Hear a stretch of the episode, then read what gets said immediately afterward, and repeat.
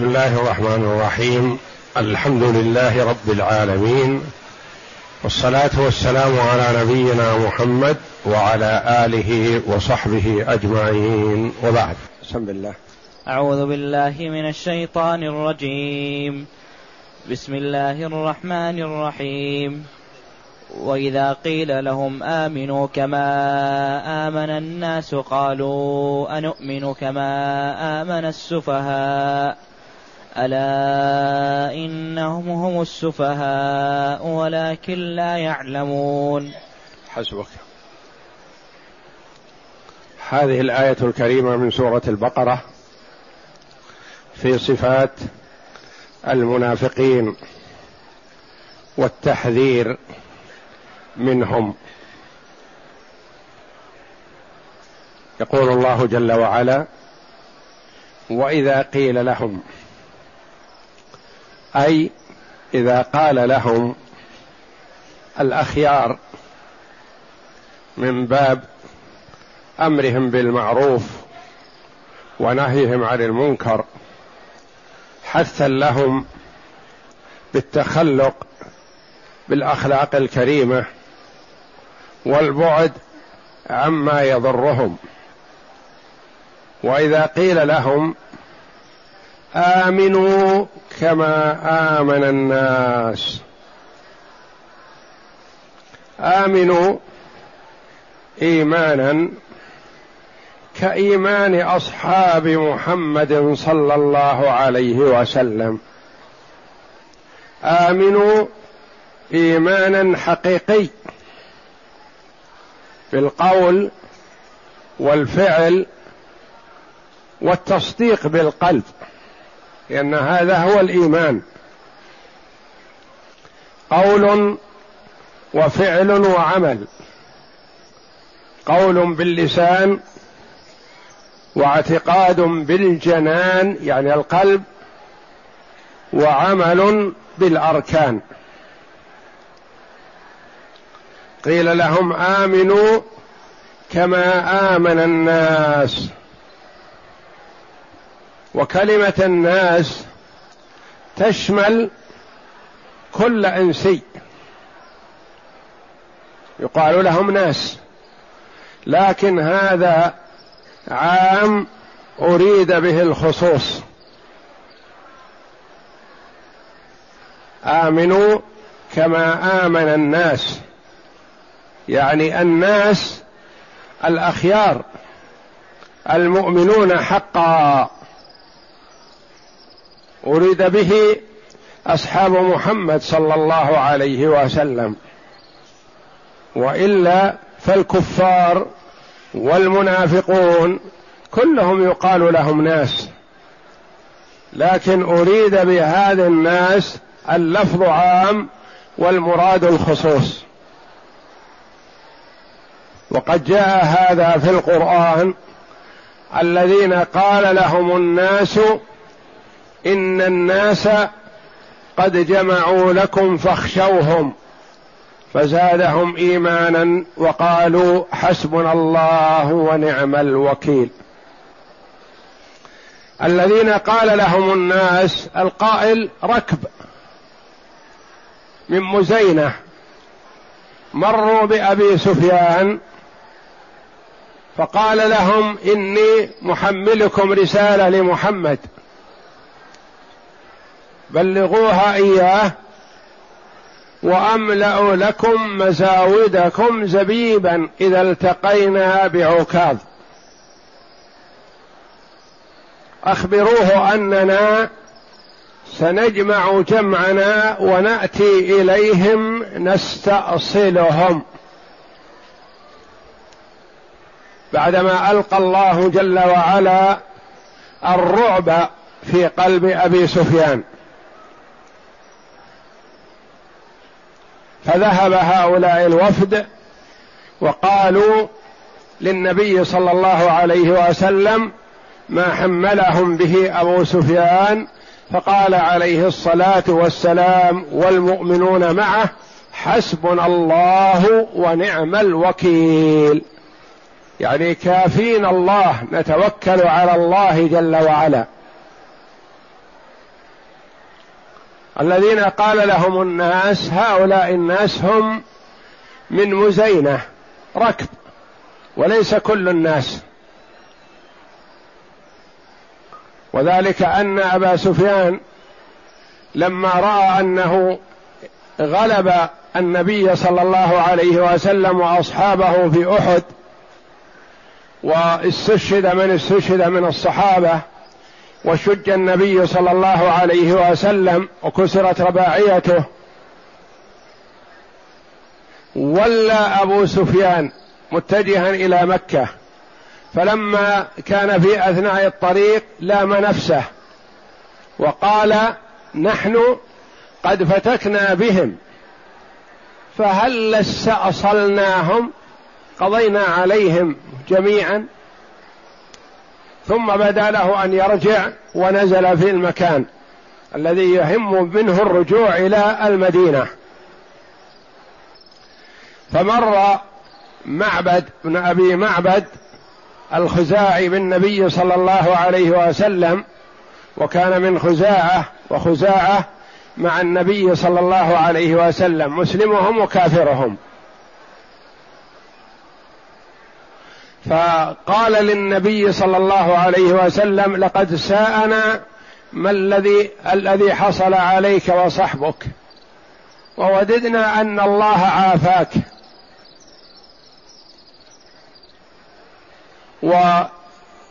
والتزم للنبي صلى الله عليه وسلم بأنه سيثبط عنه فذهب والتقى بأبي سفيان وقال لأبي سفيان ماذا تريد؟ قال فعلنا وفعلنا بمحمد وصحبه ونريد العودة لاستئصالهم. فقال ما أرى لك ذلك؟ والله لقد رأيت جيشا عظيما وإن بقيت في مكانك هذا سويعات لترى نواصي الخيل مقبلة إليك. وقد ندم من لم يحضر مع محمد واجتمعوا حوله ويريدون التوجه إليكم وهم الآن في الطريق إليكم. فقال قل غير هذا الكلام قال هذا هو الله. وإن جلست في مكانك سويعات سترى نواصي الخيل مقبلة. فما أرى لك أن تذهب وإنما أرى لك أن تهرب إلى مكة. فنفع هذا الكلام بإذن الله. وألقى الله الرعب في قلب أبي سفيان وتوجه إلى مكة ولم يعزم على المسير إلى المدينة. وأنزل الله في ذلك الذين قال لهم الناس يعني الجماعة الذين قالوا للنبي صلى الله عليه وسلم إن الناس يعنون أبا سفيان ومن معه قد جمعوا لكم فاخشوهم. فزادهم إيمانا وقالوا حسبنا الله ونعم الوكيل. فقد أتى في القرآن كلمة الناس ويراد بها الخصوص. الذين قال لهم الناس إن الناس قد جمعوا لكم فاخشوهم. كرر الناس مرتين المرة الأولى للركب الذين من مزينة والمرة الثانية يراد بها أبو سفيان ومن معه. إن الناس قد جمعوا لكم فاخشوهم. وهنا يقول تعالى الذين وإذا قيل لهم آمنوا كما آمن الناس. آمنوا إيمانا حقيقي. أنتم الآن تعطون المؤمنين وجه وتعطون الكفار وجه. أنتم مذبذبون بين المؤمنين وبين الكفار. آمنوا إيمانا حقيقي كإيمان صحب رسول الله صلى الله عليه وسلم. آمنوا بالله وملائكته وكتبه ورسله واليوم الآخر وبالقدر خيره وشره. آمنوا قولا وفعلا واعتقادا. وإذا قيل لهم آمنوا كما آمن الناس قالوا أجابوا لهؤلاء الذين ينصحونهم ويأمرونهم بالتحلي بالمكارم والفضائل قالوا أنؤمن كما آمن السفهاء. يقولون تريدون منا إيمان كإيمان هؤلاء السفهاء الذين حول محمد؟ هؤلاء سفهاء تركوا دينهم ودين آبائهم وأجدادهم وتركوا أوطانهم وخرجوا منها إلى المدينة جاءوا فقراء ما يجدون لقمة العيش. هؤلاء عندهم في نظرهم أنهم سفهاء. لو كان عندهم عقل ما اتبعوا محمد. أنؤمن كما آمن السفهاء. والسفيه هو من لا يحسن التصرف فيما معه. لا يحسن التصرف في ماله ولا في حاله. يعني ضعيف الرأي ضعيف العقل لا يحسن التصرف كما قال الله جل وعلا ولا تؤتوا السفهاء أموالكم. قال جمع من المفسرين المراد بالسفهاء هنا النساء والصبيان. يعني ما ينبغي للرجل أن يجعل ماله بيد النساء والصبيان وإنما يحتفظ به لأن هؤلاء يبذرونه يضيعونه في غير مصلحة.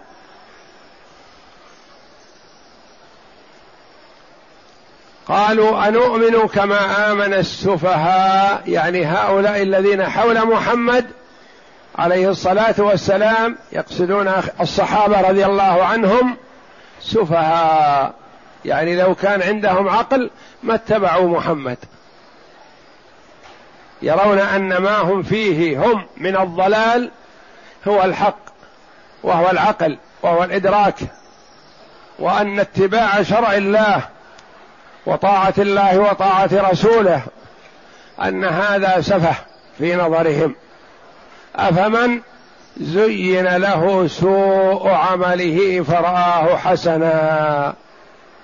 وكما قال الشاعر يقضى على المرء في أيام محنته حتى يرى حسنا ما ليس بالحسن. استحسنوا الكفر على الهدى استحسنوا الضلال على الإيمان بالله ورسله. قالوا انومن كما آمن السفهاء؟ تولى الله جل وعلا الرد عليهم. ولم يكل ذلك إلى غيره سبحانه لأنه المطلع على ما في قلوبهم. ما يعلم ما في القلوب إلا الله. ولو قالوا ذلك علنا لكفروا بهذا ولكنهم يقولونه سرا. قالوا انومن كما آمن السفهاء؟ قال الله جل وعلا ألا إنهم هم السفهاء ولكن لا يعلمون. رد الله جل وعلا السفه عليهم وأخبر سبحانه بأنهم هم في الحقيقة السفهاء وليسوا أتباع محمد صلى الله عليه وسلم. وأكد هذا بالمؤكدات المقارنة لللفظ. ألا أداة التنبيه للاهتمام بما بعدها. وإن هذه المؤكدة ألا إنهم والضمير الفصل ألا إنهم هم هم السفهاء. ولكن الحقيقة والواقع أنهم لا يعلمون. وهذه أعظم المصائب أن يقع المرء في الجهل وهو لا يعلم عن جهله. يقع في الضلال وهو لا يعلم عن ضلاله. لأن من يقع في الجهل وهو يشعر بجهله يحاول أن يتعلم يحاول أن يستفيد. يحاول أن ينتزع وينزع نفسه عما هو واقع فيه. لكن المصيبة في من يقع في الجهل وهو يرى أنه على الحق. ألا إنهم هم السفهاء ولكن لا يعلمون. لا علم عندهم يميزون به وإلا فهم عقلاء يدركون. لو كانوا مجانين ما كلفوا لكنهم عقلاء في أمور دنياهم وفي أمور معاشهم وهم غافلون عما خلقوا من أجله. ألا إنهم هم ولكن لا يعلمون. أثبت الله جل وعلا لهم السفه فالسفه الحقيقي هو الإعراض عن الحق. فمن أعرض عن الحق وإن كان أعقل الناس فهو سفيه. كما أنه جاء عن بعض السلف أن من عصى الله فهو جاهل لأنه لو لم يكن جاهلا ما عصى ربه. الله جل وعلا المنعم المتفضل ما يستحق أن يعصى ينعم على عباده ليل نهار ويعصوه سرا وجهارا. ألا إنهم هم السفهاء ولكن لا يعلمون. يفهم من هذا أن من يتنقص المؤمنين يتنقص العباد يتنقص الصلحاء يتنقص الأخيار المقيمين على طاعة الله أن فيه شبه من هؤلاء المنافقين.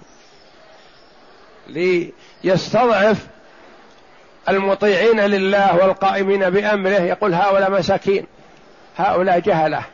هؤلاء كذا. يعني كأنه يقول تركوا السعي لطلب الدنيا واقتصروا على قراءة القرآن أو على العلم أو على المحافظة على الصلاة. هؤلاء مساكين هؤلاء جهلة. هذا والعياذ بالله فيه صفة من صفات المنافقين لأنهم لأن المنافقين يصفون المؤمنين بالسفه. فمن اتصف وصف قال مثل هذا القول ففيه شبه من المنافقين وفيه صفة من صفات المنافقين ولا يلزم أن إذا كان المرء فيه صفة من صفات المنافقين أن يكون منافقا خالصا لأنه كما تقدم لنا النفاق نوعان نفاق اعتقاد ونفاق قول. فنفاق الاعتقاد هو مخرج من الملة. نفاق الشك والريب. ونفاق عملي وهو لا يخرج من ملة الإسلام وإنما هو كبيرة من كبائر الذنوب. يقول تعالى وإذا قيل لهم آمنوا كما آمن الناس أي كإيمان الناس بالله وملائكته وكتبه ورسله والبعث بعد الموت والجنة والنار وغير ذلك مما أخبر المؤمنون به. وأطيعوا الله ورسوله في امتثال الأوامر وترك, وترك الزواجر. قالوا أنؤمن كما آمن السفهاء يعنون لعنهم الله أصحاب رسول الله صلى الله عليه وسلم يقولون أنصير نحن وهؤلاء بمنزلة واحدة وعلى طريقة واحدة وهم سفهاء. والسفيه هو الجاهل الضعيف الرأي القليل المعرفة بالمصالح والمضار. ولهذا سمى الله النساء والصبيان سفهاء في قوله تعالى ولا تؤتوا السفهاء أموالكم التي جعل الله لكم قياما وقد تولى, وقد تولى الله سبحانه جوابهم في هذا المو في هذه المواطن كلها فقال ألا إنهم هم السفهاء؟ فأكد وحصر السفاهة فيهم ولكن لا يعلمون يعني ومن تمام جهلهم أنهم لا يعلمون بحالهم في الضلالة والجهل وذلك أبلغ في العمى والبعد عن الهدى. يعني هم لا يعلمون وينسبون السفه إلى غيرهم وهم في الحقيقة هم السفهاء ولا يعلمون بسفه أنفسهم. وهذا والعياذ بالله هو الجهل المركب أن يكون المرء سفيه ولا يعلم أنه سفيه. فإذا علم السفيه أنه سفيه مثلا أدرك وأمكن أن يتعلم أمكن أن يدرك أمكن أن ينتبه لنفسه لكن إذا لم يعرف ذلك وظن أنه هو الذي على الحق فإنه يعمه في ضلاله والعياذ بالله. ومثل هذا الفرق بين صاحب المعصية وصاحب البدعة. صاحب المعصية يعرف أنه عاصي وحري أن يتوب وينيب إلى الله جل وعلا ويندم ويستغفر فيغفر الله له. وأما صاحب البدعة والعياذ بالله فهو يفعلها على أنه يتقرب إلى الله بها وهي تبعده من الله فصاحب البدعة ما يأتي بها ويقول استغفر الله. يرى أنه فعل خيرا فعل حسنا فهو يهلك أشد هلاكا من صاحب المعصية من هذا الوجه. والله أعلم وصلى الله وسلم وبارك على عبده ورسول نبينا محمد وعلى آله وصحبه أجمعين.